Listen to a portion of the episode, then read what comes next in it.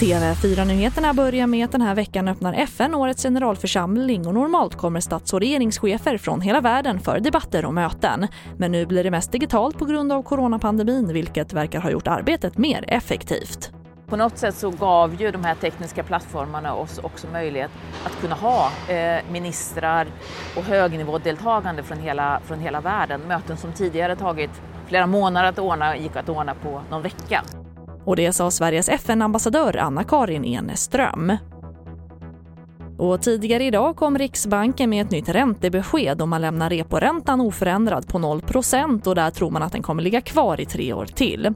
Så låga bolåneräntor och låga räntor för att låna är något vi kommer få leva med ganska länge framöver.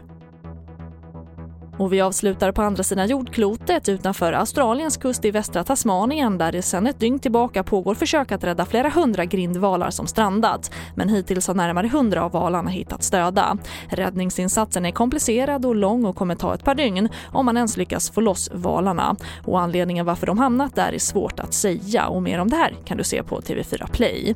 Och det får avsluta TV4-nyheterna. Jag heter Charlotte Hemgren.